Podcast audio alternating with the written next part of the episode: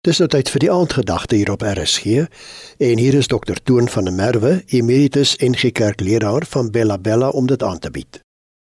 Goeienaand liewe luisteraar. Ons het in hierdie week gekyk in die woord van God na dinge wat in die middernagtelike ure plaasvind en waaruit ons as kinders van God moed kan vat in hierdie donker ure. En as daar een ding is wat ons gemeen het met die disippels van eeue gelede, is dit die vrees in die nag vir die bonatuurlike en die onverklaarbare. Kortweg in die volksmond Ons is maar almal ligtig of selfs bang vir die sogenaamde spooke. Soos die disippels op die meer van Galilea. Na die wonderlike ervaring om te sien hoe Jesus op praktiese wyse illustreer dat in die koninkryk van die hemele waarvan hy die heerlike nuus kon vertel het dat dit aangebreek het, ja dat in God se koninkryk daar geen gebrek is nie. Soos wat blyk uit die feit dat hy meer as 5000 mense met twee visse en vyf broode gespesig het het Jesus sy disippels aangesê om met die skuit na Betsaida, daardie onbekende plek aan die oorkant van die meer te vaar. Markus 6 vers 45. Jesus wou eers sien dat die menigte mense veilig na hulle huise vertrek. So sorgsaam oor sy kudde soos 'n goeie herder. Hy self, nadat hy toegesien het dat hulle genoeg geëet en veilig na hulle huise vertrek het, soos hy gewoonte geword het, het hy opgegaan na die berg om te bid. Ons sê om die batterye weer te laai in die teenwoordigheid van sy Vader. Die disippels het intussen tyd op Jesus se versoek begin met hulle oorvaar na Betsaida aan die oorkant van die meer. Dit was nie 'n maklike oortog nie, want hulle teen 'n baie sterk wind moeilik geroei.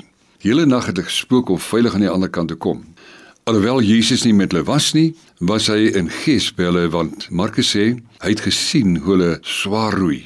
Wonderlik nie waar nie. Om te weet dat jy wat dink dat net jy worstel met jou probleem, dat dit nag om jou geword het. Jesus weet, hy gee om, al is hy nie daarvan bewus nie. Dis nie 'n wonderlike berusting nie. Al voel dit soms of Jesus nie in ons lewensboot is nie, en veral in hierdie tyd teen swaar winde van beproewing en worsteling om vooruit te kom, kan ons hieruit moed skep. Hy weet van elke sweetkorrel, elke noodgebed, elke worstelstryd om te bestaan. Al kan ons hom nie deur die nevels van beproewing sien nie, hy is daar.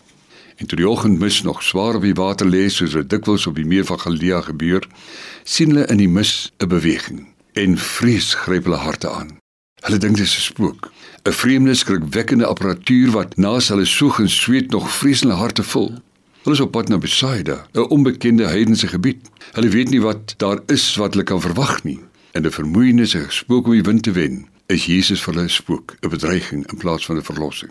Dit kos Jesus 'n gerusstelling. Wees gerus, dis ek. Moenie bang wees nie. Hier is een uitspraak van 366 uitsprake in die Bybel wat die Here vir ons sê dat ons nie hoef bang te wees nie.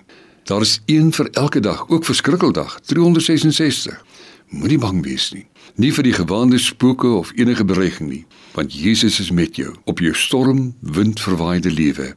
Gaan slaap maar rustig. As jy hom vertrou met jou hele lewe en ook jou onsekere toekoms, wil hy jou verseker, ek is met julle tot die einde van die dag. Elke dag, ook nou.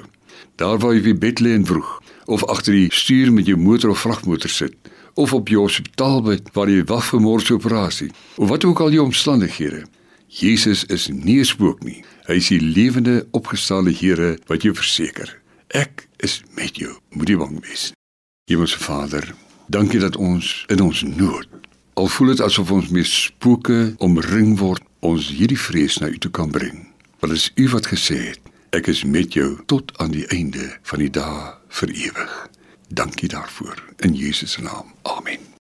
Die aandgedagte hier op RSG is vanaand aangebied deur Dr. Toon van der Merwe, Emeritus NG Kerkleraar van Bella Bella.